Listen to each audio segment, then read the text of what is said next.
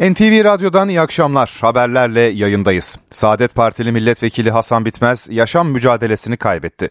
Meclis kürsüsünde rahatsızlanan vekil iki gündür tedavi altındaydı. Cenaze töreni yarın yapılacak. Bugünse mecliste tören vardı. Yayın noktalarımızdan biri meclis olacak. Ayrıntılara geçmeden gündemin diğer başlıklarını aktaralım.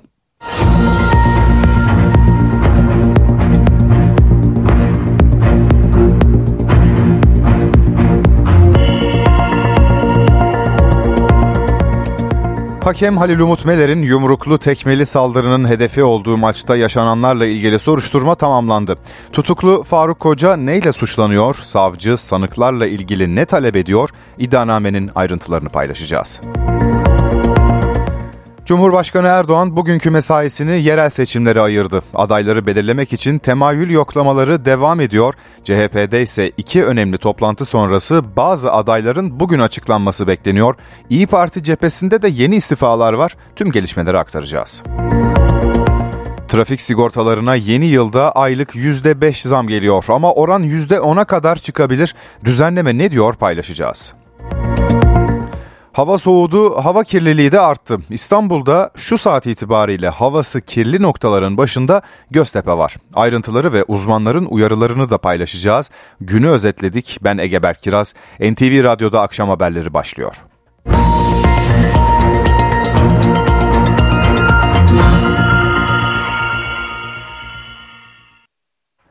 AK Parti Genel Merkezi bu hafta hareketli. Yoğun bir yerel seçim mesaisi var. O mesainin başındaki isimse Cumhurbaşkanı Recep Tayyip Erdoğan. Bugün Hüdapar'la Büyük Birlik Partisi heyetleri AK Parti Genel Merkezi'ne gelecek. Görüşmelerde iki partinin Cumhur İttifakı'na destek şartları görüşülecek. İttifakın büyük şehirlerde nasıl bir strateji izleyeceği de merak konusu. Ayrıntıları Ankara'dan canlı bağlantıyla alacağız. NTV muhabiri Ahmet Örsoğlu aktarıyor sürede Cumhur İttifakı'nın işbirliği potansiyelini, o şemsiyeyi biraz daha büyütmeye çalışıyor. Özellikle MHP ile yapılan görüşmeleri zaten biliyoruz, çok defa anlattık.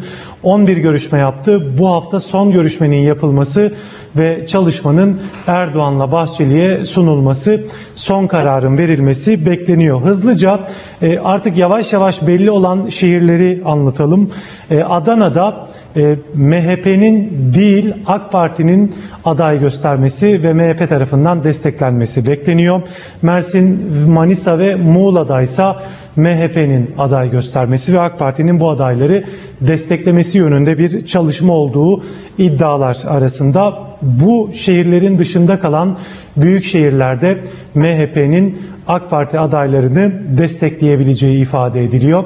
Ancak İstanbul, Ankara ve İzmir özelinde ilçeler bazında MHP'nin aday çıkartacağı ve AK Parti'nin destek vereceği yerler olabilir. Bu MHP ile yapılan çalışmalardı.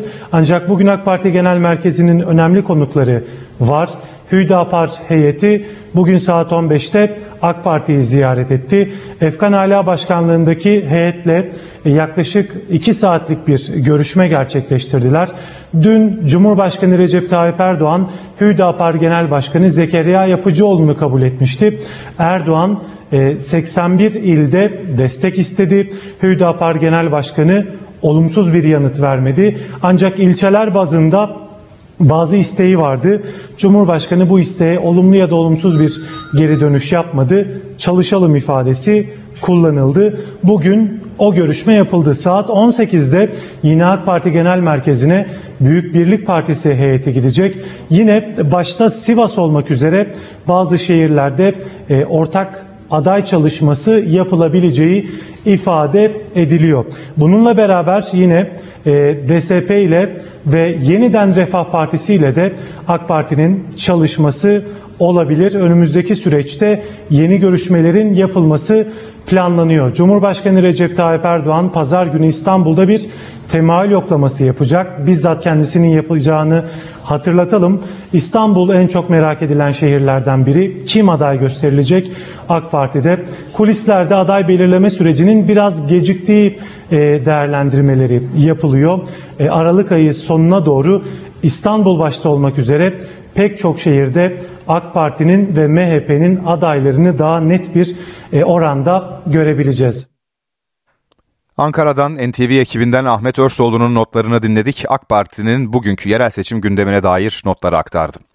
Yerel seçim gündemiyle devam edelim. Cumhuriyet Halk Partisi'nde de seçim çalışmaları sürüyor. Şu sıralarda Merkez Yönetim Kurulu toplantı halinde ardından da parti meclisi toplanacak. Diğer partilerle işbirliği konusu değerlendirilecek. Bugün bazı adayların isimleri de duyurulabilir. Ayrıntıları alacağız. NTV muhabiri Uğraş Bingöl'ü dinliyoruz. İttifak olmayacak ama e, Cumhuriyet Halk Partisi'nde 31 Mart yerel seçimlerine yönelik bir strateji belirledi. O strateji de sandık ittifakı yani 2019'da yaşanan hem İyi Parti'nin e, seçmenlerine e, hem de e, DEM Parti, Halkların Eşitlik ve Demokrasi Partisi seçmenine yönelik adaylarla adaylara sandıkta destek istenecek. Yani bunun adında sandık ittifakı olduğunu söyleyebiliriz. Bu zamana kadar yapılan istişareler ve görüşmeler sonucunda artık bir ittifak yani siyasi partilerin genel merkez düzeyinde bir ittifak olmayacağını söylemek mümkün. Evet Cumhuriyet Halk Partisi'nde hummalı çalışma devam ediyor. 31 Mart yerel seçimlerine kısa bir süre kala. Bugün e, Merkez Yönetme, e, Yönetim Kurulu toplantısı vardı. Saat 12'de başladı. Orada e, CHP Genel Başkanı Özgür Özel kurmaylarıyla bir değerlendirme yaptı. Saat 15'te de parti meclisi toplanacaktı ama Saadet Partisi Kocaeli Milletvekili Hasan Bitmez'in cenaze töreni için buradaki isimler Genel Başkan Özgür Özel'e dahil e, birçok isim cenaze törenine katıldı. O yüzden parti meclisi de saat 17'de e, başlayacak. Önemli çünkü Cumhuriyet Halk Partisi'nin en önemli karar organı parti meclisi. Parti meclisinde bugün önemli karar alınması bekliyoruz. Bunlardan e, özellikle bazı büyük şehirlerin e, belediye başkanlarının resmen ilan edilmesini bekliyoruz. E, bunlardan en başında şüphesiz ki İstanbul Büyükşehir Belediye Başkanı Ekrem İmamoğlu, e, Ankara Büyükşehir Belediye Başkanı Mansur Yavaş'ın ilan edilmesini bekliyoruz ama e, birkaç sürprizim de var. Özellikle e, Balıkesir'de Büyükşehir Belediye Başkanlığı için Ahmet Akın'ın ismi ilan edilebilir.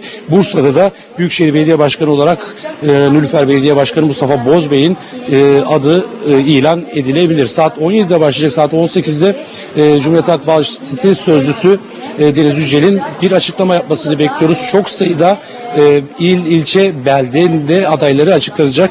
E, 236 seçim bölgesinin adaylarının açıklanmasını e, bekliyoruz. Gözler Cumhuriyet Halk Partisi saat 18'e e, kilitlendi. Bugün önemliydi çünkü daha önce Cumhuriyet Halk Partisi aday belirleme sürecinde e, bir memnuniyet anketi yapmışlardı. Cumhuriyet Halk Partisi'nin elindeki belediyelere yönelik e, işte o anket sonuçları gelmişti. Bugün de MYK toplantısında değerlendirildi. Ayrıca Cumhuriyet Halk Partisi milletvekilleri seçim bölgelerine gitmişti ve orada halkın nabzını e, ölçmüşlerdi. O bilgiler de bugün genel merkeze de geldi ve e, Cumhuriyet Halk Partisi MYK'da e, genel başkan başkanlığında değerlendirildi, masaya yatırıldı. O yüzden o memnuniyet anketleri e, çerçevesinde bugün o 236'ya yakın isim açıklanabilir. E, Cumhuriyet Halk Partisi'nde dediğim gibi saat gözler saat 18'de Cumhuriyet Halk Partisi sözcüsü Deniz Yücel'in yapacağı açıklamada birçok büyükşehirin yanında birçok ilçenin de belediye başkanları resmen ilan edilmiş olacak. Cumhuriyet Halk Partisi'ne dair gelişmeleri aldık. NTV muhabiri Uğraş Bingöl aktardı. İyi Parti'de ittifak çatlağı derinleşiyor. CHP ile ittifak yapmama kararı sonrası İstanbul'da genel merkezle il yönetimindeki bazı isimler arasında derin çatlak oluştu. Önemli isimlerden de istifa haberi geldi. Şimdi İyi Parti'ye dair gelişmeleri alacağız. Deniz Tüysüz anlatıyor.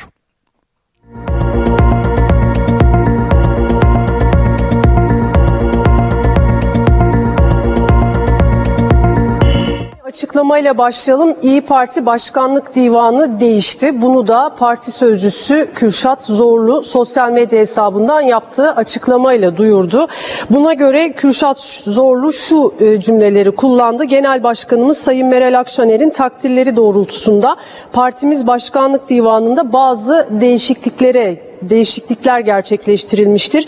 Buna bunu göre daha önce ayrı yürütülen bundan e, düzeltiyorum Buna göre daha önce ayrı yürütülen hukuk ve seçim işleri başkanlıkları birleştirilmiş. Ahmet Zeki Üçoğun yerine Afyon Milletvekilimiz Sayın Hakan Şeref Olgun, Toplumsal Politikalar Başkanlığı görevi yürüten Sayın Ece Güner'in yerine de Tekirdağ Milletvekilimiz Sayın Selcan Taşçı Hamşoğlu getirilmiştir açıklaması ifadesi kullanıldı.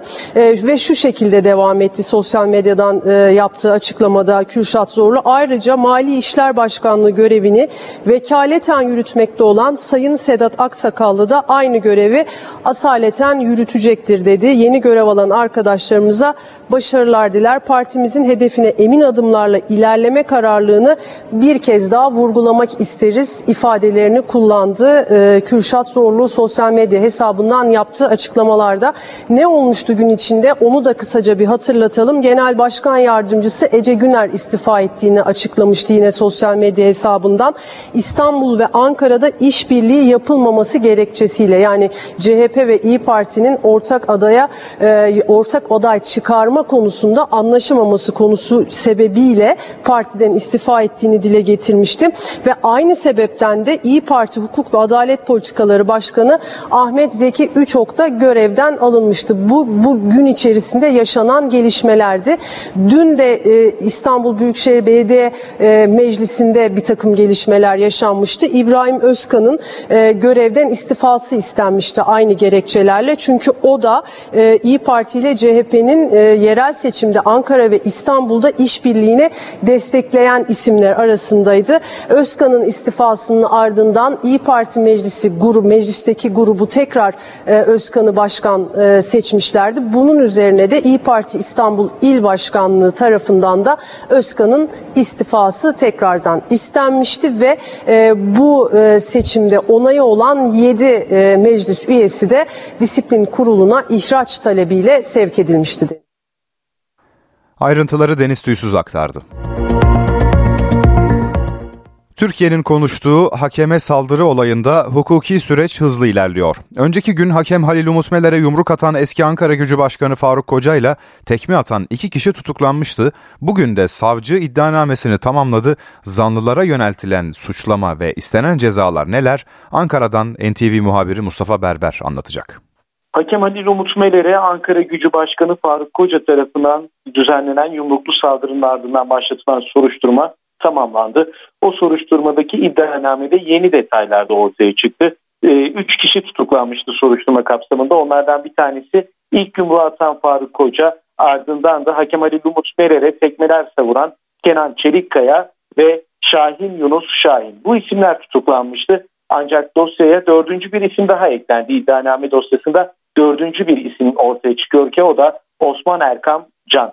Bu isim de e, Halil Umut Meler'e tekme atmaya çalışırken tekme atamadığı engellendiği nedeniyle sadece bu kişinin kasten yaralamaya teşebbüsten hakkında bir iddianame hazırlandı ve bunun içerisinde de yine iddianamede yasak alanlara girme suçu da bu kişiye yöneltildi. Aslında bakacak olursak en çok suçlama Faruk Koca hakkında ilk yumruğu atan Ankara Gücü Kulübü Başkanı Faruk Koca hakkında verildi e, kendisi hakkında 3 ayrı suçlama var. Onlardan bir tanesi görevini yerine getiren kamu görevlisine yönelik olarak saha içerisinde yaralamaya, kemik kırılmasıyla birlikte yaralamaya, yaralama suçundan kendisine yöneltilen bir iddia var. Bununla birlikte tehdit suçu var ve yasak alana girme suçları da yine Faruk Koca'ya yöneltilen suçlamalar arasında. Bu suçlamalar nedeniyle haklarında pek çok kez e, değişen hapis veya veda para cezası istemi var Faruk Koca'nın. Tabi diğer iki şüpheli hakkında da e, saldırı nedeniyle ve yasak alana girme nedeniyle suçlamalar var. Bu kişilerin ceza almasıyla birlikte eğer ceza alırlarsa yargılama kapsamında bu isimler için e, artık men yasağı da başlamış olacak. Peki neler yöneltiliyor bu kişilere bakacak olursak iddianamenin kapsamındaki o suçlamalarda bakacak olduğumuzda da bu kişilerin savcılık Ankara 3. Asya, Ankara Batı 3. Asya Ceza Mahkemesi'ne gönderdiği iddianamede e, bu kişilerin seyirden men edilmesini de istedi. Yani bu kişiler eğer bir hapis cezası alırlarsa e, infazları tamamlandıktan sonra bir yıl süre daha maçlara giremeyecekler. Ama ceza almazlarsa bu suçları para cezasına çevrilirse işte o zaman da yine kararın açıklanmasından itibaren sahalara bir yıl giremeyecek bu isimler.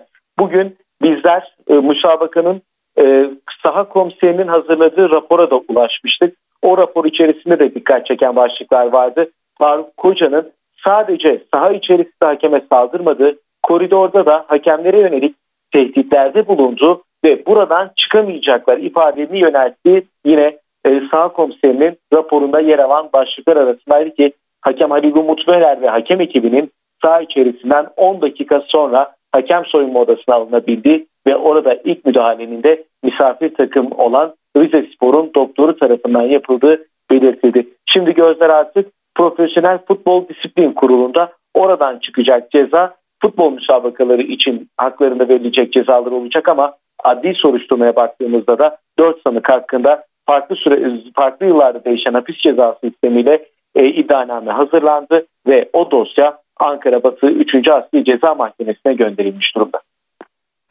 NTV muhabiri Mustafa Berber'in notlarını dinledik. Ankara'da kalmaya devam edelim. Mecliste bütçe görüşmeleri sırasında konuşurken kalp krizi geçiren ve yere yığılan Saadet Partisi milletvekili Hasan Bitmez iki gün süren hayat mücadelesini kaybetti. Doktorların müdahalesine rağmen kurtarılamadı.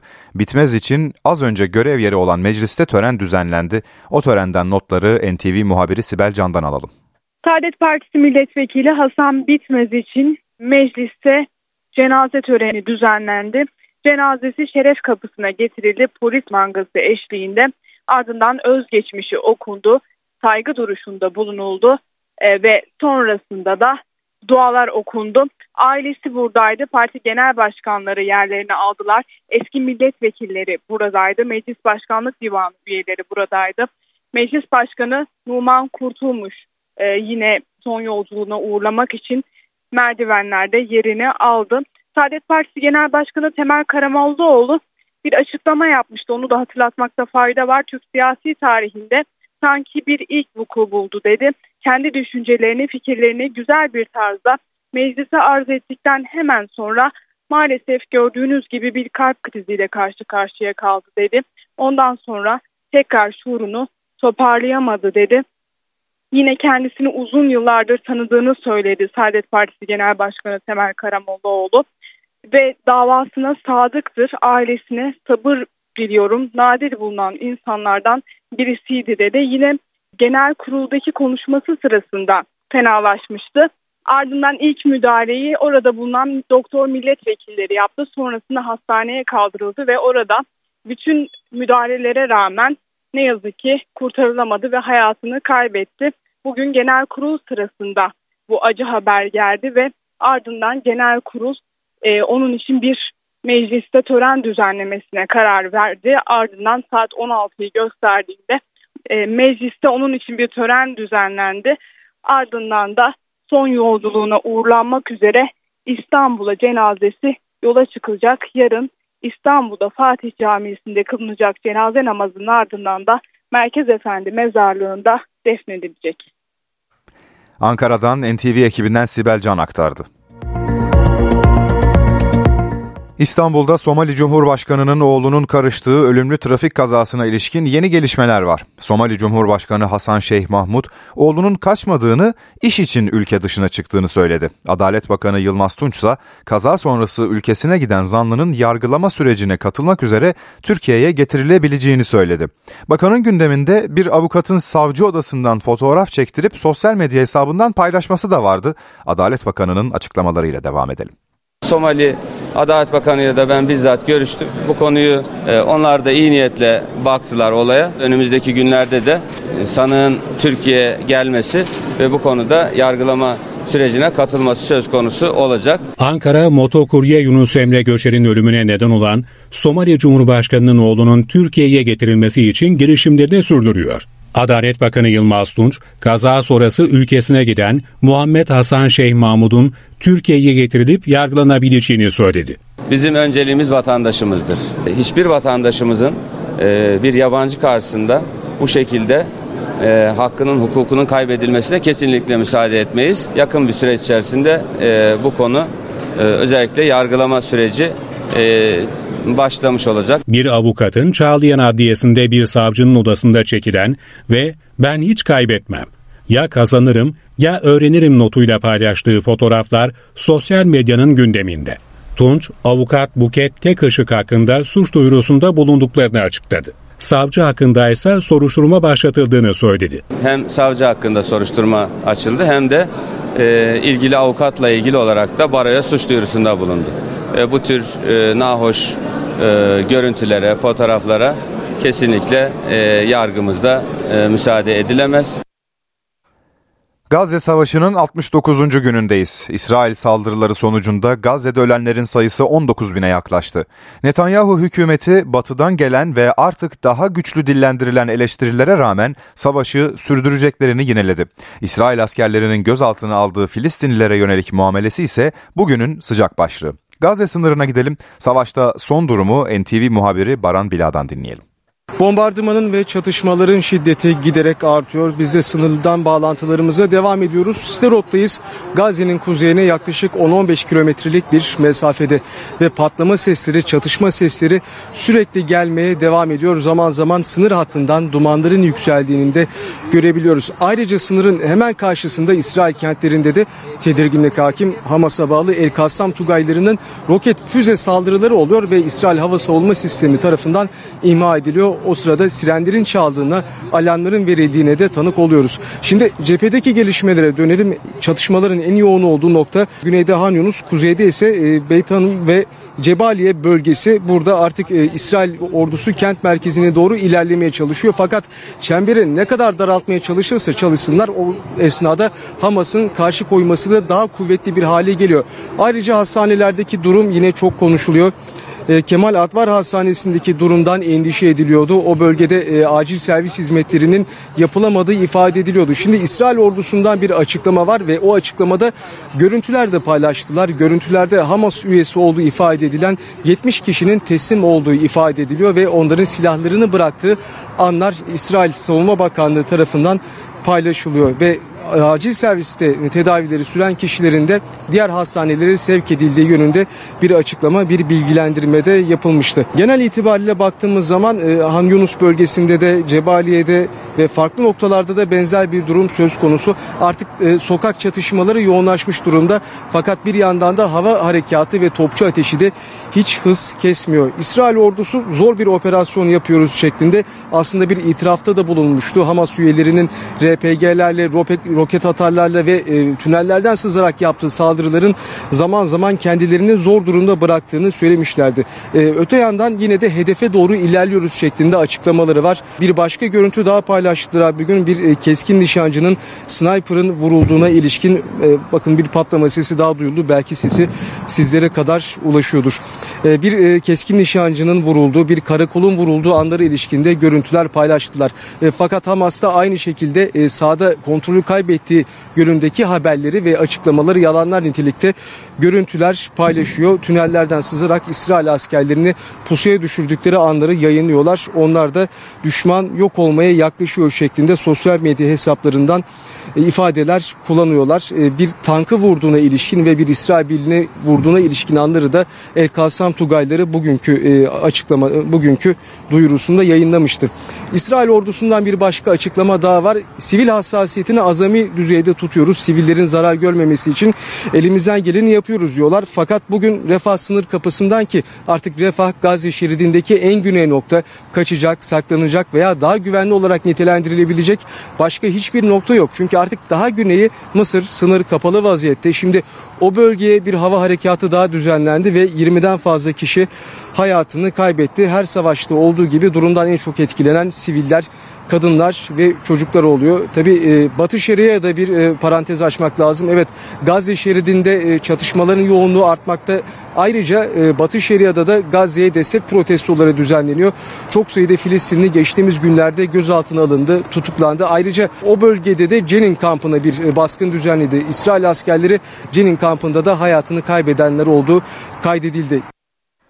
Gazze sınırından son notları NTV muhabiri Baran Bile aktardı. Rusya Devlet Başkanı Vladimir Putin geleneksel yıl sonu toplantısını bugün gerçekleştirdi. Ukrayna ve Gazze savaşlarıyla ilgili önemli mesajlar verdi. Putin, Gazze'de silahların susması için Cumhurbaşkanı Recep Tayyip Erdoğan önemli bir rol üstleniyor. Kendisi bu trajediye dikkat çeken ve durumun iyiye doğru değişmesi için her şeyi yapan liderlerden biri dedi. Gelecek yıl başında Erdoğan'la bir araya gelmeyi umduğunu dile getirdi. Putin, Ukrayna Savaşı ile ilgili olarak da askeri operasyonda hedeflerinin değişmediğini vurguladı. Ukrayna, Nazilerden ve askerden arındırılıp tarafsız hale gelinceye kadar barış olmayacak ifadesini kullandı. Saadet zincirli dolandırıcılık olaylarına yenisi eklendi. Bu kez haber İzmir'den. Bir muhasebeci milyonlarca lirayla ortadan kayboldu. Zanlıya en son bir çaycı kadının 3 milyon lira kaptırdığı öğrenildi. Yüksek kazanç vaadiyle yaklaşık 100 milyon lira topladı. Son mağduru çay ocağı işleten bir kadın oldu. Paralarla ortadan kaybolan kadın için soruşturma başlatıldı. Bize bağlandı kopardı. Bağlandığı koparınca biz şüphelendik tabii. İlk etapta 350 bin lira verdik zaten. Hı hı. Dedi hem bununla hem evinizi alacağız. Eylül'de bizim ev çıkacak. Hem ev, evinizi alacağız hem de araba istiyorsan araba çıkaracağım dedi. Türkiye günlerdir bankacı Seçil Erzan'ın yüksek karlı gizli fon vaadiyle futbolcu ve iş adamlarını dolandırmasını konuşurken İzmir'de de benzer bir olay yaşandı. İddiaya göre Betül Kazar kendisini muhasebeci ve finans uzmanı olarak tanıttı. Yüksek kar payı vaadiyle vatandaşlardan para toplamaya başladı. Size ev e, tavsiye edebilirim, yardımcı olabilirim diye bu konuda girdik. Ondan sonra belli bir miktarda para yatırdık. E, kağıtlar imzalandı. Biz artık bekledik ev alacağız diye. Parayı borsaya yatırarak kazanç sağlayan Betül Kazar başlangıçta kar paylarını ödedi. Ancak her geçen gün para topladığı kişilerin sayısı artınca bir süre sonra kar payı ödemeyi kesti. Yaklaşık 100 milyon lirayla ortadan kaybolduğu öne sürüldü. Dolandırıldıklarını söyleyen 50'den fazla kişi ilçe emniyet müdürlüğüne gidip şikayetçi oldu. Savcılık da olayla ilgili soruşturma başlattı. Şu tarihte şu kadar vereceğim, bu tarihte şu kadar vereceğim, ayın 20'siydi, 10'uydu, 5'iydi ve böyle aksattı. Betül Kazar'ın Tire'yi terk ederek Aydın İncirliova'ya kaçtığı ileri sürüldü. Son mağduruysa çay ocağı işleten bir kadın oldu. Kazar'ın kadından aldığı parayı borsada işleterek 3 milyon lira kazandığı ancak kadına parasını ödemediği tespit edildi. Yeni yılda uygulanacak zorunlu trafik sigortası aylık azami prim artış oranı belli oldu. Artış oranı 2024 yılının ilk 4 ayı için %5 olarak belirlendi. Ancak oran 2 katına kadar çıkabilir. Ayrıntıları paylaşalım. Zorunlu trafik sigortasında primler ve teminatlar artıyor. Sigorta şirketleri daha önce her ay %2 zam yapabiliyordu. Resmi gazetede yayınlanan yönetmelikle bu oran yeni yılın ilk 4 ayı için %5'e yükseltildi. Yani zorunlu trafik sigortası primleri her ay bu oranda zamlanabilecek. Primlerde toplu bir artışsa yapılmadı. E, trafik sigortalarında e, teknik zarar 11 milyar lira seviyesinde aslında e, bizim hani Mayıs 2023 yılından bu yana beklemeye çalıştığımız, almaya çalıştığımız ki bizim ilk talebimiz %46 seyyanen bir artıştı. E, tavan artış yani şu anda trafikte bulunan tavan tarife 1 Ocak itibariyle %5 artırılacak. 1 Şubat'a geldiğimizde o da %5 artırılacak. Sigortacılık ve Özel Emeklilik Düzenleme ve Denetleme Kurumu'na artış oranını iki katına çıkarma yetkisi verildi. Eğer bu yetki kullanılırsa primler her ay %5 değil %10 zamlanacak. Azami prim için Mayıs ayından itibaren hasar maliyet endeksine bakılacak. Hasar maliyeti endeksi hesaplamasında asgari ücret artışı %45, yedek parça ve aksesuar fiyat artışı %30, motorlu araç fiyat artışı %15, bakım onarım fiyat artışı %10 ağırlıkta olacak. Şimdi bu teknik zararı kapatamadan biz sadece gelecek e, maliyetleri karşılamaya çalışıyoruz şu anda. Yani teknik zarar şu anda devam ediyor öyle baktığımız zaman. SDDK'dan beklentimiz şu, e, kendisine bırakılan yetkiyi Ocak ayında en azından kullanılması, Şubat ayında kullanılması. Dolayısıyla bu aylık %5'lerin e, %10 olarak e, kullanılmasını biz e, beklemekteyiz ve talep etmekteyiz. Yeni yönetmelikte trafik sigortasında teminatlar da arttı. Yeni yılla birlikte araç başına maddi teminat tutarı 120 bin liradan 200 bin liraya çıkacak. 1 milyon 200 bin lira olarak uygulanan vefat ve sakatlık teminatı 1 milyon 700 bin liraya yükseltilecek. Amerikan Merkez Bankası Fed faizi sabit bıraktı. Karar altına yaradı. Altın fiyatlarında son durum ne? Uzmanlar ne diyor? Aktaralım. Fed toplantısı sonrası altındaki yükseliş ivme kazandı. Amerika Birleşik Devletleri Merkez Bankası faizleri sabit bıraktı. Banka ayrıca sıkı para politikasının sona erdiğine dair net sinyaller verdi. Banka 2024 yılında 3 faiz indirimi öngördü. Altın fiyatları yükseldi. Hani bir faiz arttırım sürecinin sonuna geldiğimiz çok net bir şekilde e, görünüyor. Dolayısıyla hani oraya gelmemizden dolayı çok da geri kalmıştı altın yani özellikle dünyada oluşan enflasyonu koyduğumuz zaman e, sonuçta altın hakikaten hani emtialar içinde en geride kalanların e, başında geliyordu. FED toplantısının ardından ons altın 50 dolar birden artarak 2000 doların üzerine yükseldi ve son bir haftanın en yüksek seviyesine gördü. Altın bu yıl %11'den fazla artış göstererek en iyi performans gösteren başlıca emtialardan biri haline geldi. İçeride gram altın ise 1900 lirayı aştı. Bir değişiklik olmazsa hani Fed'in yaklaşımında bir süre daha bu ilginin birazcık daha yukarı doğru hareketin altın tarafında da devam edebileceğini düşünüyorum. En azından artık bir aşağı potansiyelinin çok kısıtlandığı bir noktaya geldiğimizi düşünüyorum. Ons altın 4 Aralık'ta 2148 dolarla tüm zamanların rekorunu kırmıştı. Uzmanlar Fed'in faiz indirimlerinin devam etmesiyle birlikte altındaki yükselişin devam edebileceği görüşünde. NTV Radyo Ankara'da bir kadın eski eşi tarafından sokak ortasında tabancayla öldürüldü. 25 yaşındaki kadının 4 yaşında bir kızı vardı. Diyarbakır'da da sokakta açılan ateş evde bulunan kadına isabet etti. 3 çocuk annesi kadın hayatını kaybetti. Kadına ve çocuğa yönelik şiddete hemen her gün bültenlerde yer veriyoruz. Aile ve Sosyal Hizmetler Bakanlığı bu şiddetin boyutuyla ilgili son 10 yılın rakamlarını açıkladı. Buna göre her saat ortalama 15 kadın ihbarda bulunuyor. Aile ve Sosyal Hizmetler Bakanlığı'nın kadına ve çocuğa yönelik şiddetle ilgili istatistikleri açıklandı. Ocak 2013'ten 1 Kasım 2023 tarihine kadar toplam 1 milyon 360 bin kadın ve 136 bin çocuk şiddet gördüğü gerekçesiyle şiddet önleme ve izleme merkezlerine müracaat etti. Başvurucu kadınlar ya da genç kızlar sosyal destek uzmanları aracılığıyla koordinasyon hizmeti vermekte, psikososyal rehberlik hizmetleri vermekte, hukuki danışmanlık hizmetleri vermekte, yine eğitim ve mesleki hiz destek hizmetleri sağlanmakta, geçici maddi yardım sağlanmakta. Yine bu şiddetten doğan haklarını kullanabilmesi için e, müdahale ve yönlendirme anlamında eğitilmekte. Şiddet konusunda eğitim bana göre aile içi eğitimden başlıyor. Yani aile içinde kadın ve çocuğu nasıl konumlandırıyorsunuz? Ve bir aile, aile içi eğitim dediğimizde okullardaki eğitim kurumlarındaki eğitim değil, görerek, bakarak, örnek olarak baba eşini nasıl konumlandırıyor, baba çocuğunu nasıl konumlandırıyor? Bu sadece Türkiye'de değil aslında dünyada hala çok eril bir yapı var. Bu verilere göre ayda ortalama 10 bin, günde 366, saatte 15 kadın ya da çocuk şiddete uğradığı için yardım istedi. Üstelik bu rakama şiddeti önleme ve izleme merkezlerinde ihbarda bulunmayanlar dahil değil. Maalesef kadınlar en korunaklı olması gereken yer olan evlerinde babası, eşi, sevgilisi, erkek arkadaşı gibi ya da abisi gibi e, tanıdığı, bildiği erkeklerden e, şiddete maruz kalmakta. 6284 sayılı kanun bir tedbir kanunu. Dolayısıyla kadına ve çocuğa karşı şiddet bakımından evet caydırıcı olabilir ancak bu kanun uygulamasının tek başına e, şiddeti bitirmesini bekleyemeyiz. Dolayısıyla e, ceza yargılamasına yüzümüzü dönmemiz gerekiyor. Buradaki cezaların bir miktar daha caydırıcı olmasını bekleyebiliriz, ümit edebiliriz. Bu veriler CHP milletvekili Gamze Akkuş İlgezli'nin bilgi edinme başvurusuna gelen yanıtla ortaya çıktı.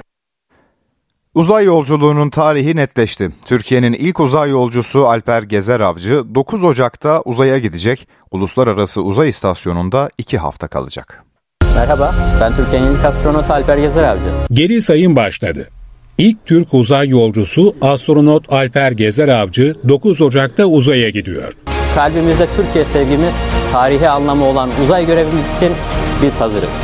Gelişmeyi Sanayi ve Teknoloji Bakanı Mehmet Fatih Kacır sosyal medya hesabından yaptığı paylaşımla duyurdu. Uluslararası Uzay İstasyonu'na gidecek ekipte Alper Gezer Avcı'nın yanı sıra İspanyol, İtalyan ve İsveçli astronotlar var.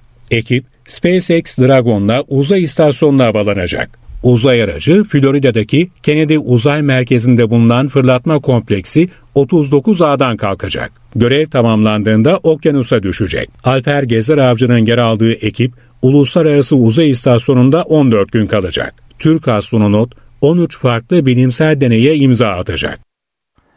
Ali Atay'ın yönettiği Ölümlü Dünya 2 filmi gişede büyük ilgi görüyor. 12 günde 1 milyon seyirci sayısı aşıldı.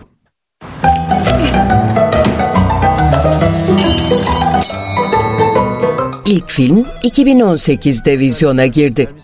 Sinema salonlarına 600 bine yakın seyirci toplasa da filmin hayranları yıllar içerisinde arttı. Bizde ilişkimiz açığa çıktı. Ne anlatıyorsun sen ya? Ne ilişkisi açığa çıktı? Rahmetli yengenizin adını koydum. Soy isim isim şeklinde. Mermer Merve, Mermer Verne, Werner Mermer. Buraya saklanmaya mı geldiniz? Yok yok hayır saklanmak değil aslında çok haklısın tabii. 5 yıllık aranın ardından Mermer ailesi yeni maceralarını Ölümlü Dünya 2'de seyirciye sundu. Ali Atay'ın ilk filmde olduğu gibi yine yönetmen koltuğunda oturduğu film gişede 1 milyon seyirci barajını aşarak başarıya imza attı. Yapımcı şirket 1 milyon seyirciye ulaşma haberini sosyal medyada 12 günde 1 milyon seyirciye ulaştık. Beyaz perdede bizimle beraber gülen herkese teşekkür ederiz mesajıyla duyurdu. Benim tabancayla geldiğim yere roket atarla geldin sen. Şimdi sette öncesinde hazırlık sürecinde sonrasında böyle santim santim filmin oluşumunu görmek ya benim de bir seyircisi olarak o kadar hoşuma gitti ki bu durum. Ya filmi böyle çekince çok zevk alıyor insan. Yani ben büyük bir zevkle bitirdim. Uzun bir süredir bir kaçış halindeyiz. Bizim peşimizde biliyorsunuzdur herhalde ailemizi öldürmek isteyen insanlar var. Filmin oyuncu kadrosunda ilk filmde olduğu gibi Feyyaz Yiğit, Sarp Apak, Mehmet Özgür, İrem Sak, Alper Kul ve Ahmet Mümtaz Taylan gibi isimler yer alıyor. Filmden beklentimiz yüksek. Benim beklentim yüksek. Memleketin hali zor, dünyanın hali zor. Zor bir dönemden geçiyoruz. Hepsinin de çilesini çekiyoruz bir şekilde, bir ölçüde. E biraz da gülmeyelim mi? E, ölümlü dünya onun için birebirdir. Şimdi bir de iki kişiyim yani. Tek kişiyle e, başladık. Şu an bir de e, o karaktere 9 aylık bir e, hamileliğin verdiği bıkkınlık da katlandı. Ben çok eğlendim oynarken. Bir arada olamıyoruz. Dolayısıyla hem Zafer'i hem aileyi kurtarmak için bize daha köklü bir çözüm lazım.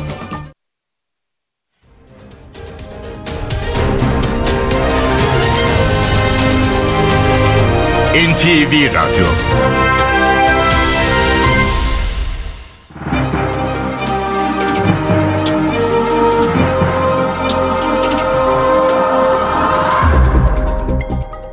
Borsa İstanbul Yüz Endeksi 7804 seviyelerinde. Dolar 28.97, Euro 31.82'den işlem görüyor. Euro dolar paritesi 1.09. Ons altın 2044 dolarda. Kapalı çarşıda gram altın 1905 liradan, çeyrek altın 3232 liradan satılıyor. Brent petrolün varil fiyatı 76 dolar.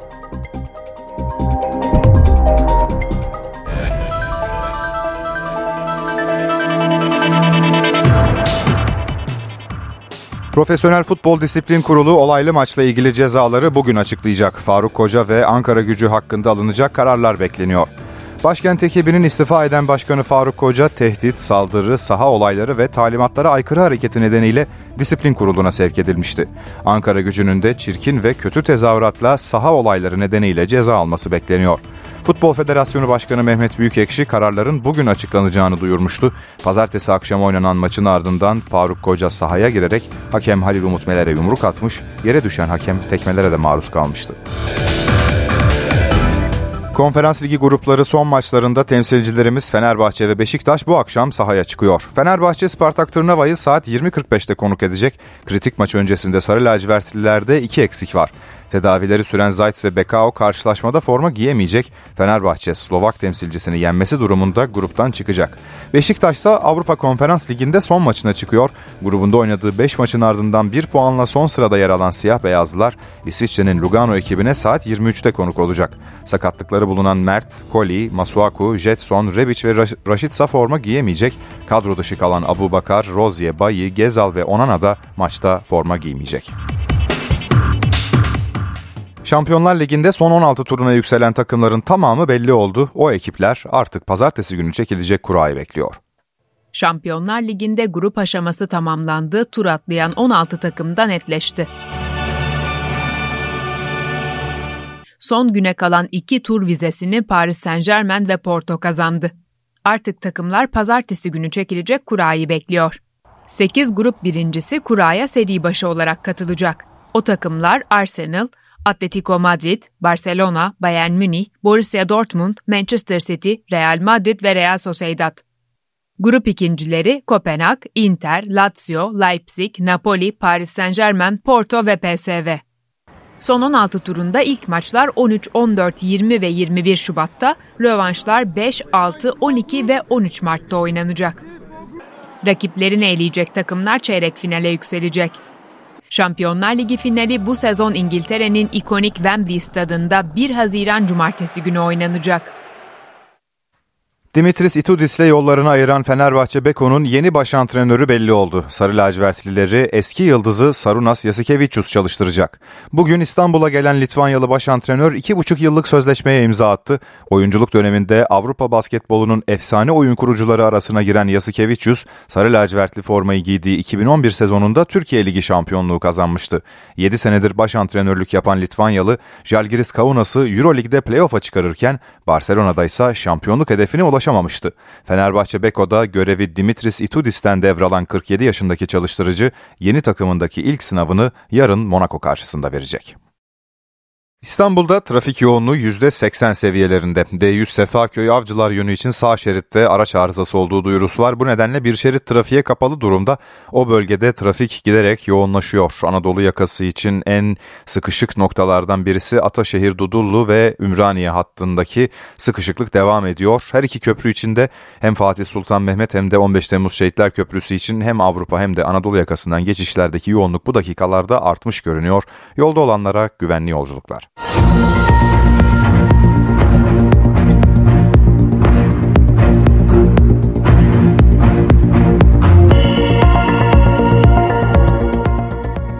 NTV Radyo'da gelişmeleri aktarmayı sürdürüyoruz. Hakeme saldırı olayında iddianame hazırlandı. Ankara Gücü eski başkanı Faruk Koca'nın 13 yıla kadar hapisle cezalandırılması istendi. Tüm şüpheliler hakkında seyirden men yasağı da talep edildi. Hakem Halil Umut Meler'e düzenlenen yumruklu saldırının ardından Adalet Bakanlığı sporda şiddet yasasında değişikliğe gidiyor. Konuya ilişkin Adalet Bakanı Yılmaz Tunç'tan açıklama var. MKE Ankara gücü Çaykur Rizespor maçının hakemi Halit Umut Meler'e düzenlenen saldırının ardından sporda şiddet yasasında değişikliğe gidilecek. Adalet Bakanı Yılmaz Tunç caydırıcılığın artacağını söyledi. Cezalarda caydırıcılığı sağlamak kanunumuzda e, bir takım değişiklik ihtiyaçları olduğunu da e, tespit ettik. Bu ihtiyaçlar doğrultusunda biz taslak çalışmamızı gerçekleştireceğiz. E, konunun tüm taraflarıyla görüşmelerimizi sürdüreceğiz. Türkiye Büyük Millet Meclisi'nde milletvekillerimizin takdirine sunacağız. Bir avukatın Çağlayan Adliyesi'nde bir savcının odasında çekilen ve ben hiç kaybetmem ya kazanırım ya öğrenirim notuyla paylaştığı fotoğraflar sosyal medyanın gündeminde. Tunç avukat Buket Tekışık hakkında suç duyurusuna bulunduklarını açıkladı. Savcı hakkında ise soruşturma başlatıldığını söyledi. Savcının görev yeri de değiştirildi. Hem savcı hakkında soruşturma açıldı hem de e, ilgili avukatla ilgili olarak da baroya suç duyurusunda bulundu. E, bu tür e, nahoş e, görüntülere, fotoğraflara kesinlikle e, yargımızda e, müsaade edilemez. Dışişleri Bakanı Hakan Fidan Bakü'de temaslarda bulundu. Azerbaycan Cumhurbaşkanı Aliyev ve mevkidaşıyla görüştü. Düzenlenen basın toplantısında Birleşmiş Milletler Genel Kurulu'nun Gazze ile ilgili aldığı acil insani ateşkes kararına dikkat çekti. Gündeminde Azerbaycan-Ermenistan arasındaki normalleşme süreci de vardı. Amerika Birleşik Devletleri'nin Birleşmiş Milletler Güvenlik Konseyi'nin alacağı kararlara daha fazla engel olmamasını bekliyoruz. Şu anda Gazze'de ateşkes ile katliam arasında sadece ve sadece Amerika Birleşik Devletleri duruyor. Bizim ve uluslararası toplumun mesajı net. Filistinlere uygulanan zulüm sona ermeli, hemen ateşkes ilan edilmeli, barış süreci başlatılmalıdır. Dışişleri Bakanı Hakan Fidan, Azerbaycan'ın başkenti Bakü'de kameraların karşısına geçti. Azerbaycan Dışişleri Bakanı Ceyhun Bayramoğlu'la gazetecilerin sorularını yanıtladı. Gündeminde Gazze vardı.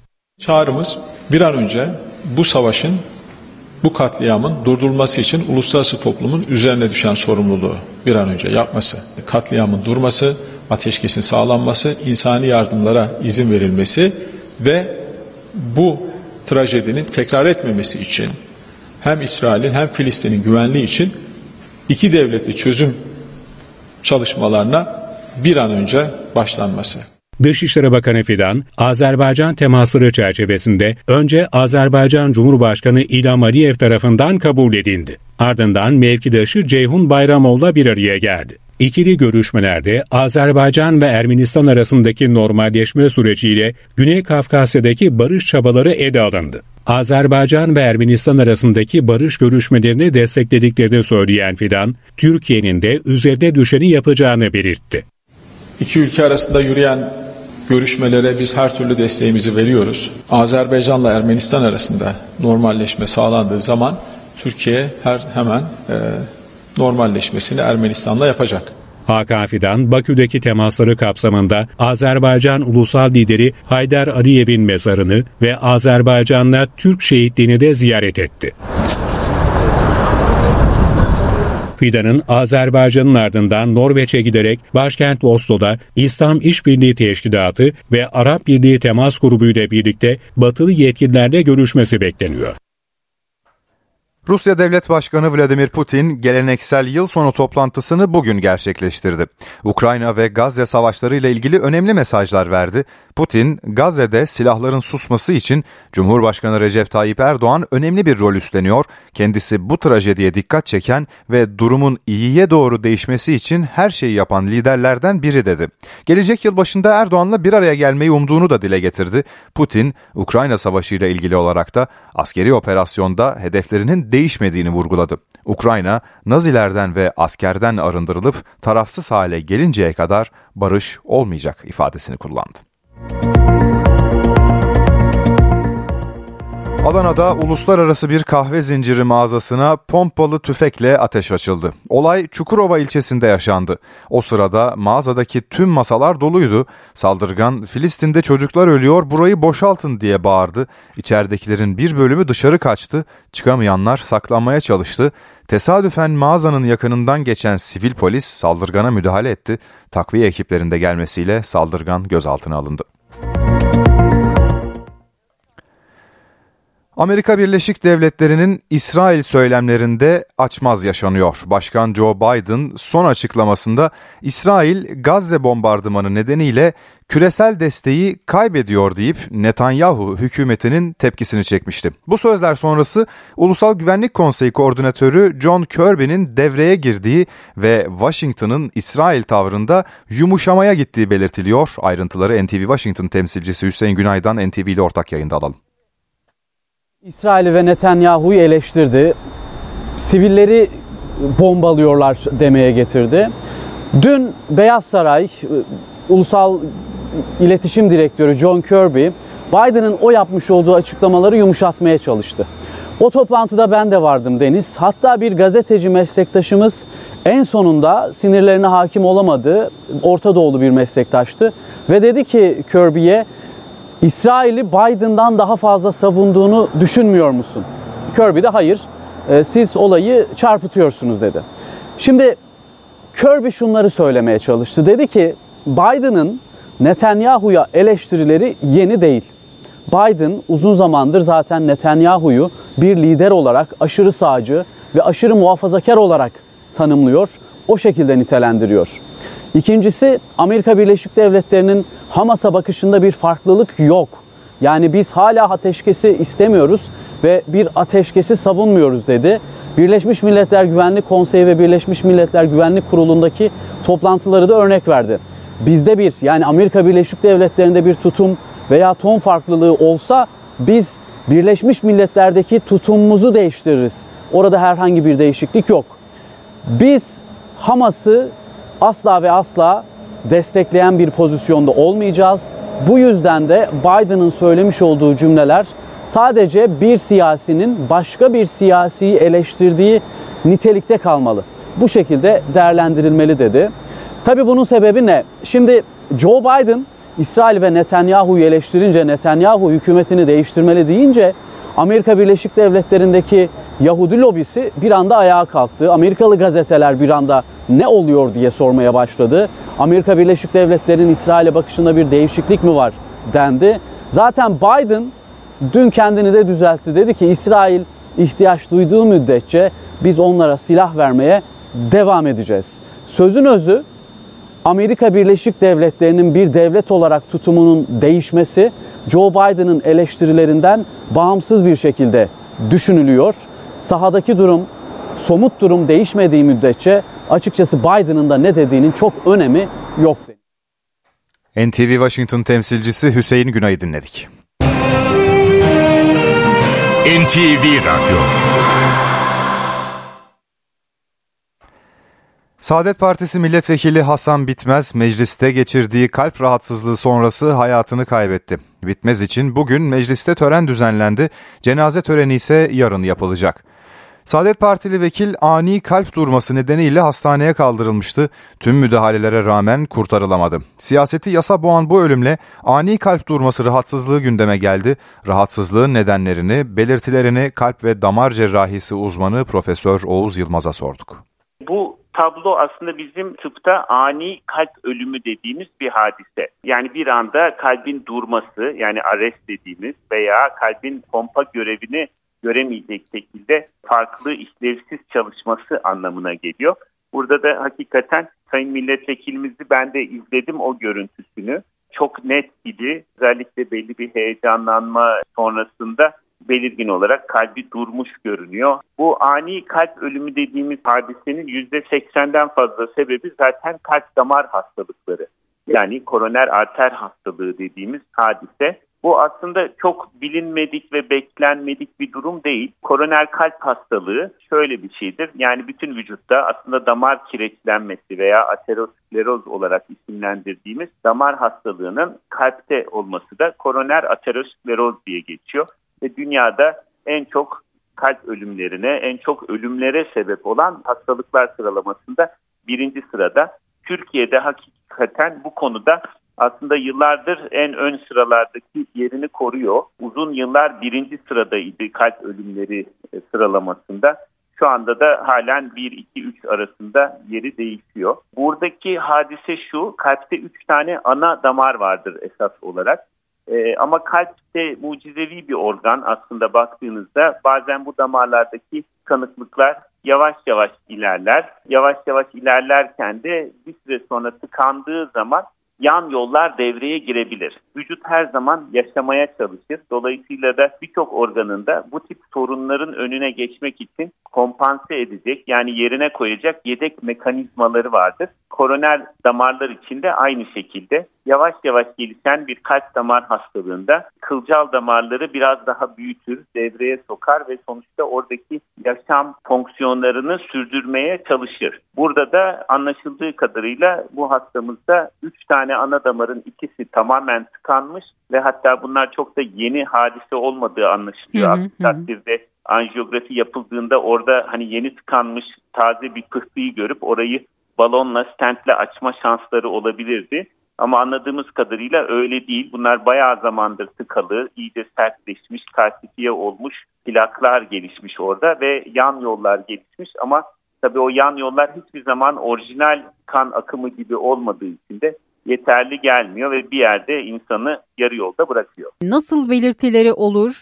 Sokakta yürürken nasıl e, hissederiz mesela ya da günlük yaşamımızı idame ettirirken ne gibi belirtiler görürüz? Damarımızın tıkalı olduğunu anlayıp da doktora gideriz. E, ne dersiniz bununla ilgili? Evet bu mutlaka belirti vermiştir. Çok nadir durumlarda hastalar bunu hiç hissetmezler. Bir kere birkaç şeye dikkat etmek lazım. Bu hastalara sonradan geri dönüp sorduğunuzda aslında birçok şeyin belirtilerinin olduğunu ama kendisinin oraya kondurmadığını görürsünüz. En çok görülen şey koroner damar hastalığında zaten efor ile yani vücudumuzu zorladığımız zaman yürüyüşle bazen yokuş çıkarken bazen merdiven çıkarken kalbimizi daha fazla zorladığımız anlarda göğüste ağrı olarak ortaya çıkar. Burada tabii çok durumu karıştıran şey her zaman kalp ağrıları tam böyle göğsümüzde olmaz. Genelde hani en çok klasik olarak bildiğimiz göğsün sol tarafında bir ağrının olması, eforla birlikte ortaya çıkması ve birçok zamanda sol kolda uyuşma şeklinde veya ağrının oraları da yayılması şeklindedir. Bu klasik bilinenin dışında insanlar semptomlar yaşadığında genelde ha bu işte göğsümün sol tarafında değil koluma da yayılmıyor demek ki bu kalp değil diye düşünürler. Ama bu çok fazla yer değiştirebilir. Bazen göğsün sağ tarafında ağrı olabilir. Bazen sırta yayılan ağrı olabilir. Birçok zaman boyundan böyle çeneye doğru giden bir ağrı bazen dişlerde sızlama şeklinde olabilir. Dolayısıyla çok farklılıklar gösterebilir. Diğer önemli bir şey aslında acil ünitelerinde de sıklıkla karşılaştığımız durum. Bu tip benzer ağrılar birçok zaman işte akşam istirahat ederken yemek sonrası da gelebilir. Yemek sonrası olduğunda genellikle böyle midede ya ben hazmedemedim galiba işte gaz birikti galiba gibi epigastrik ağrı diyoruz. Yani tam mide alanının üzerinde yer alan ağrılar çok zaman onlar da aslında kalp hastalığına işaret eden ağrılar olabilir. Bazı hastalar aslında bu ağrıları hiç hissetmeyebilir. İşte bu bizim en korktuğumuz grup zaten. Buna sessiz iskemi deriz biz. Yani sessiz ilerleyen kalp damar hastalığı. Özellikle de şeker hastalarında bunu çok sıklıkla görürüz. Hı hı. Şeker hastalığı bildiğimiz gibi yani birçok insan bunu sadece şekerin yüksekliği olarak algılar ve çok üzerine düşmez. İşte şekerin biraz yüksek der ama şeker hastalığını kabullenmez. Şeker hastalığı aslında bir sendromdur. Damar hastalığının en önemli sebeplerinden bir tanesidir. Beraberinde sinirleri de bozduğu için nitekim bilinir yani şeker hastalarının ileri dönemlerinde işte ellerde ve ayaklarda hissizlik olabilir. Benzer şekilde kalp de ağrılarını çok fazla hissetmez şeker hastalarında. Hı hı. Onun için kalp krizi belirtileri gelir aslında. Hatta bazen hastalar kalp krizi geçirir. Ama şeker hastalığı oradaki alarm sistemini, sinir sistemini o kadar bozmuştur ki hiçbir şekilde kalp o ağrıyı vücuda hissettirmez, farkında olmayabilir. Profesör Oğuz Yılmaz NTV Radyo'nun sorularını yanıtladı. İstanbul Şişli'de 1 artı 1 dairesini kiraya vermek isteyen 70 yaşındaki ev sahibi emlakçısının oyununa geldi. İddiasına göre emlakçı daireyi kendisi için kiraladı ancak aylar sonra eve kontrole gittiğinde başkasının yaşadığını gördü. Evinin kirası da kendisine ödenenden çok daha yüksekti. 3 bin liraya tuttuğu evi 5 bin liraya başkasına kiraladı. Emlakçının akıl almaz oyunu ev sahibine pes dedirtti. 5 bin liraya vermiş başkasına kiraya alıyor adamlar bana bir miktar gönderir gerisi kendisine. 70 yaşındaki ev sahibi Fatma Tanrıverdi geçtiğimiz yıl İstanbul Şişli'deki 1 artı 1 dairesini kiralamak için bir emlakçıyla anlaştı. Ancak iddiasına göre emlakçı evi kendisi kiralamak istedi. Bölgede kiraların 3 bin lira olduğunu söyledi ve ev sahibiyle anlaştı. Sahte imzayla da kontrat yaptı. Ben gir, girmek istiyorum dedi. Okey dedim seni tanıyoruz iyi kötü dedim. Sen girdim o zaman dedim. Tanrıverdi aylar sonra çevresinden kira bedelinin ev için çok düşük olduğunu öğrendi. Emlakçıdan evden çıkmasını istedi. Ancak emlakçının evden çıkmayı reddetmesi şüphe uyandırdı. Tanrıverdi'nin şüpheleri artınca evini kontrol etmeye gitti. İçeri girdiğinde ise ikinci şoku yaşadı. Çünkü evinde kiracı olarak emlakçısı değil başka birileri yaşıyordu. Bir bayan bir bebeği olmuş burada duruyorlar. Kadın beni görünce şaşırdı. Ne dedi kadın size? Ne desin aynısını söyledi biz bilmiyoruz dedi bizim haberimiz yok. Bunun üzerine Tanrıverdi aylardır ulaşamadığı emlakçı hakkında suç duyurusunda bulundu. Üzüldüm ağladım nasıl böyle olur diye. Kandırıldığıma mı yanayım onca paramın gittiğine mi yanayım? Yılbaşı yaklaştı, alışveriş telaşı başladı. Yılbaşı sofrasının olmazsa olmazı kuru yemiş fiyatları geçen yıla göre katlandı. NTV muhabiri Beyza Nur Özer'in çarşı izlenimlerini mikrofona getirelim. Yılbaşı akşamının vazgeçilmezlerinden olan kuru yemiş fiyatlarındaki artış %100'ü aştı.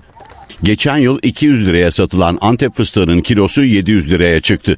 Fındığın kilosu 150 liradan 500 liraya yükseldi. Kuru yemiş hepsini almak istiyoruz ama Malum son zamanlarda fiyatları biliyorsunuz. Antep fıstığını yeme şansımız zaten hiç yok. Fiyatlar aldı başını gidiyor. Bundan sonra insanlar yemeyecek. Yani yüzde yüzün üzerinde zam geldi her şeye. Bizim esnafımızda da var fırsatçılık. Aa, yılbaşı arttıralım arttıralım ama halk bilinçli olup da almasa çoğu şeyi o fiyatlar artmayacak. Kaju 200 liradan 500 liraya yükseldi. Kış aylarının en sevilen lezzetlerinden kestane ise 180 liradan 350 liraya kadar çıktı. En çok kabak çekirdeği falan böyle fıstık onlar yani daha uygun şeyleri tercih ediyoruz. Çok pahalı olmaksızın. Özellikle fıstığı fındığı biz çok alırdık. Şimdi alamaz olduk. Herkes de öyle. Dolayısıyla yılbaşı çekirdekle geçiştirilecek. İstanbul Sarıyer'de esnaf yükselen fiyatlar nedeniyle satışların geçen yıla oranla yarı yarıya düştüğünü söylüyor. Bak kimse bir şey anlamadı bu sene fiyatlardan. Yani böyle olacağını kimse tahmin etmedi. Bayağı arttı. Yani sindiremedik yani öyle diyeyim size. Fiyatlar yüksek olunca alım gücü olmuyor. Geçen sene oranla satışlarımız %50 düştü. Genellikle karışık kuru yemiş tercih ediyorlar. E, müşterilerde %75 civarında düşüş var. Fiyatlar %100 arttı. Antep fıstığı, fındık, kaju, badem hepsi arttı çok çok. Kuru yemişçiler satış yapamamaktan, tüketicilerse yükselen fiyatlardan şikayetçi. Fiyatların denetlenmesi isteniyor. Kışın gelmesi ve bazı mahallelerde sobaların yanmaya başlamasıyla İstanbul'da hava kirliliği arttı. Uzmanlar özellikle kronik hastaları ve alerjik bünyesi olanları uyarıyor. Biraz da astım var bende. Daha çok katlanıyor. Bayağı nefes nefeseyim şu anda. Öyle kötü bir hava kalitesi var burada. İstanbul'da hava kirliliği son günlerde arttı. Kentin birçok ilçesinde de hava kalitesi orta seviyede ölçüldü. Çevre Şehircilik ve İklim Değişikliği Bakanlığı'nın hava kalitesini gösteren bir telefon uygulaması var. Bu uygulamayla Türkiye'deki il ve ilçelerde günlük olarak hava kalitesinin nasıl olduğunu görebiliyorsunuz. Örneğin İstanbul Göztepe'de hava kalitesi hassas olarak değerlendirilmiş. Bu da sağlık açısından kişilerin etkilenebileceği anlamına geliyor. Özellikle İstanbul gibi yoğun şehirleşmenin olduğu kentlerde e, havadaki parçacık sayısının e, kalp sağlığıyla doğrudan bir ilişkisi olduğu gözlenmiş. Özellikle trafiğin yoğun olduğu bölgelerde e, kalp hastalarının bulunmamasını tavsiye ediyoruz. Hava kalitesi soğuk ve rüzgarın durgun olduğu günlerde daha düşük olabiliyor. Kömür olsun, araçlar olsun bu aylarda çok fazla kullanılıyor özellikle kömür. Bu hava kirliliği birazcık daha yoğun yaşanıyor. İstanbul'da, Ege'de rüzgarlar hep zayıf. Ayrıca Ege'de, e, Manisa'da, Muğla'da hassas seviyede. Eğer rüzgarlar düşükse, e, örneğin arka arka 3 gün, 4 gün çok hafif esiyorsa o zaman hava kirliliğinin çok üst düzeye çıkacağını öngörebiliyoruz. Kuzeyli rüzgarlar e, daha temiz estiği için o zaman havayı rahatlıkla temizliyor. Bilim insanlarının Mars'ta yaşam arama çalışmalarında Burdur'daki Salda Gölü deney alanı gibi. Türk ve Amerikan bilim insanları gölden numune topluyor, kızıl gezegenin jeolojik geçmişine dair yanıt aranıyor. Mars'taki Jezero kraterine benzetilmişti. Bilim insanları bu kez de Salda Gölü'nün su kimyasını inceleyerek Mars'ın jeolojik geçmişini anlamaya çalışıyor. Dünyada kimya ya da diğer teknikleri kullanarak ve araçlar geliştirerek Mars'ı keşfedebileceğimiz benzerlikte yerler arıyoruz.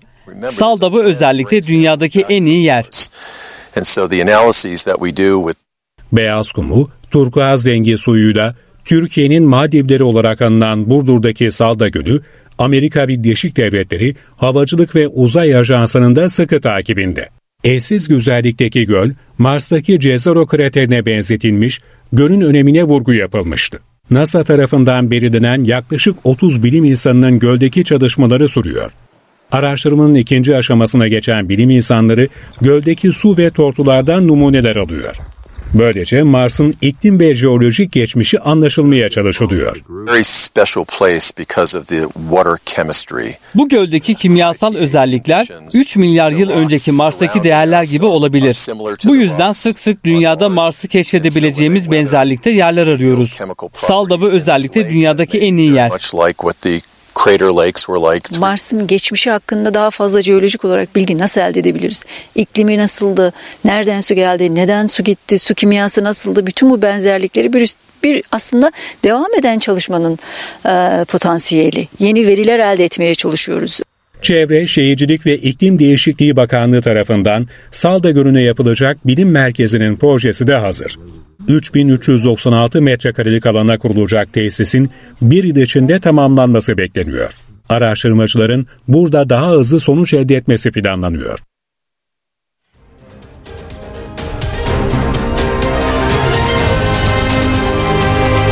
NTV Radyo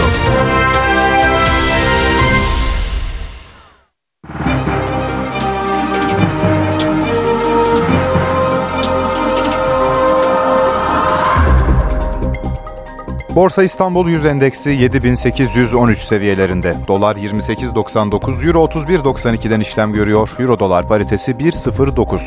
Ons altın 2045 dolarda, gram altın 1906 liradan, çeyrek altın 3232 liradan satılıyor. Brent petrolün varil fiyatı 77 dolar.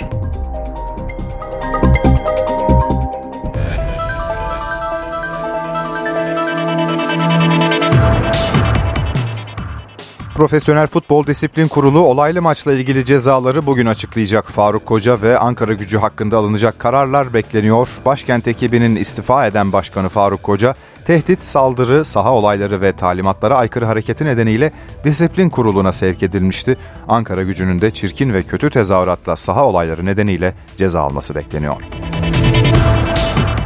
Galatasaray Başkanı Dursun Özbek, Kulüpler Birliği'nin yaptığı eleştirinin ardından federasyona destek verdi. Mehmet Büyükekşi'nin 6 ay önce seçildiğini hatırlatan Özbek, bu federasyonu kulüpler seçti dedi. Bizim federasyonumuz yani güveniyor musunuz diye bir soru ben bunu kabul etmiyorum. Galatasaray Başkanı Dursun Özbek, Kulüpler Birliği'nin Futbol Federasyonu'na yaptığı eleştiriye katılmıyor.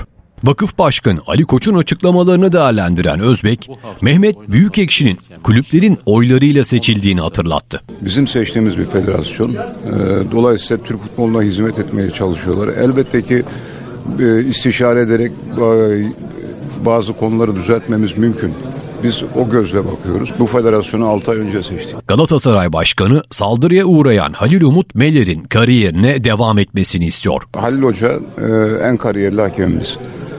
Halil Hoca'nın Türk futboluna küsmemesi lazım. Çünkü bu değerler kolay yetişmiyor. FIFA hakemi yani Şampiyonlar Ligi maçları yönetmiş önemli bir hakemimizin bu müessif olaydan e, olaya bağlı olarak e, sahalardan uzak kalmasını na gönlüm razı değil. Şampiyonlar Ligi'ne veda eden Galatasaray'ın yeni hedefi Avrupa Ligi şampiyonluğu. İyi bir takımımız var.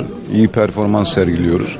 Şans inşallah bizim yanımızda olacak ve e, kupaya kadar UEFA kupasına kadar uzanmak istiyoruz. Özbek transfer döneminde kadrolarına sol bek takviyesi yapacaklarını sözlerine ekledi. Fenerbahçe Konferans Ligi'nde tur biletini almak için sahaya çıkacak. Sarı lacivertliler H grubu son maçında saat 20.45'te Spartak Tırnava'yı konuk edecek.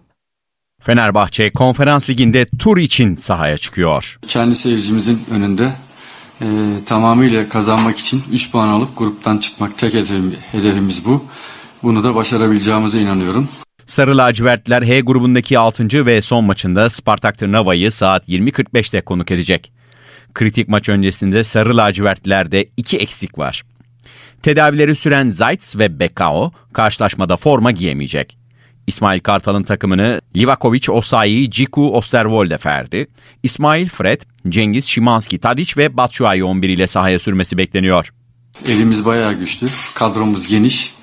Ee, buna göre de e, taraftarlarımızın desteğiyle de kendimize yakışır bir oyunu maçı kazanıp tekrar e, buradan lider olarak veya en kötü ikinci olarak çıkmak istiyoruz. Tek hedefimiz bu.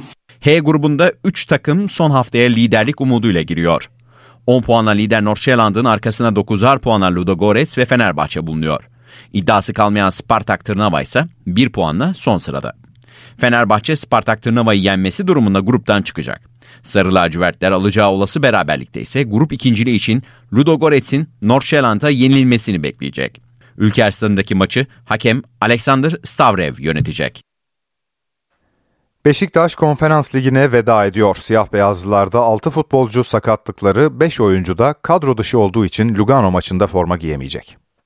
Beşiktaş Avrupa Konferans Ligi'nde son maçına çıkıyor. Grubunda oynadığı 5 maçın ardından 1 puanla son sırada yer alan siyah beyazlılar İsviçre'nin Lugano ekibine konuk olacak. Buraya iddialı gelmek isterdik. En çok istediğim şeylerden de bir tanesiydi bu. Ee, ama maalesef tabii ki e, biz yokken e, elemle, elenmiş bir takımız. Ama ne olursa olsun bizim bütün amacımız iddiamızda olmasa bütün amacımız maçı kazanmak. Ee, başka bir hiçbir düşüncemiz yok. Eksik de olabiliriz, başka şey de olabilir. Ama ne olursa olursa olsun buradan kazanmaya geldik. Sakatlıkları bulunan Mert, Koli, Masuaku, Jetson, Rebic ve Raşitsa forma giyemeyecek. Kadro dışı durumda olan Abu Bakar, Rozier, Bailey, Gezal ve Onana da maçta yok. Teknik direktör Rıza Çalınbay'ın takımını Ersin, Onur Necip Amarti Tayfur, Amir Salih, Muleka Chamberlain Zaynuddinov ve Cenk ilk 11 ile sahaya sürmesi bekleniyor. Letzigrund stadyumunda oynanacak ve saat 23'te başlayacak karşılaşmayı Polonyalı hakem Pavel Raczkowski yönetecek. Dimitris Itudis'le yollarını ayıran Fenerbahçe Beko'nun yeni baş antrenörü belli oldu. Sarı lacivertlileri eski yıldızı Sarunas Yasikevicius çalıştıracak. Bugün İstanbul'a gelen Litvanyalı baş antrenör 2,5 yıllık sözleşmeye imza attı. Oyunculuk döneminde Avrupa basketbolunun efsane oyun kurucuları arasına giren Yasikevicius, sarı lacivertli formayı giydiği 2011 sezonunda Türkiye Ligi şampiyonluğu kazanmıştı. 7 senedir baş antrenörlük yapan Litvanyalı, Jalgiris Kaunas'ı Euroleague'de playoff'a çıkarırken Barcelona'da ise şampiyonluk hedefine ulaşamamıştı. Görevi Dimitris Itudis'ten devralan 47 yaşındaki çalıştırıcı ilk sınavını yarın Monaco karşısında verecek. Anadolu Efes Euroleague'deki galibiyet serisini sürdürmek istiyor. Lacivert Beyazlılar 14. hafta maçında Maccabi Tel Aviv'e konuk olacak. Euroleague'de son iki maçını kazanan Anadolu Efes 7 galibiyet ve 6 mağlubiyetle 10. sırada yer alıyor. Erdemcan'ın ekibiyle galibiyet ve mağlubiyet sayıları aynı olan Maccabi ise 9. sırada. Sırbistan'ın başkenti Belgrad'da oynanacak müsabaka 22.05'te başlayacak.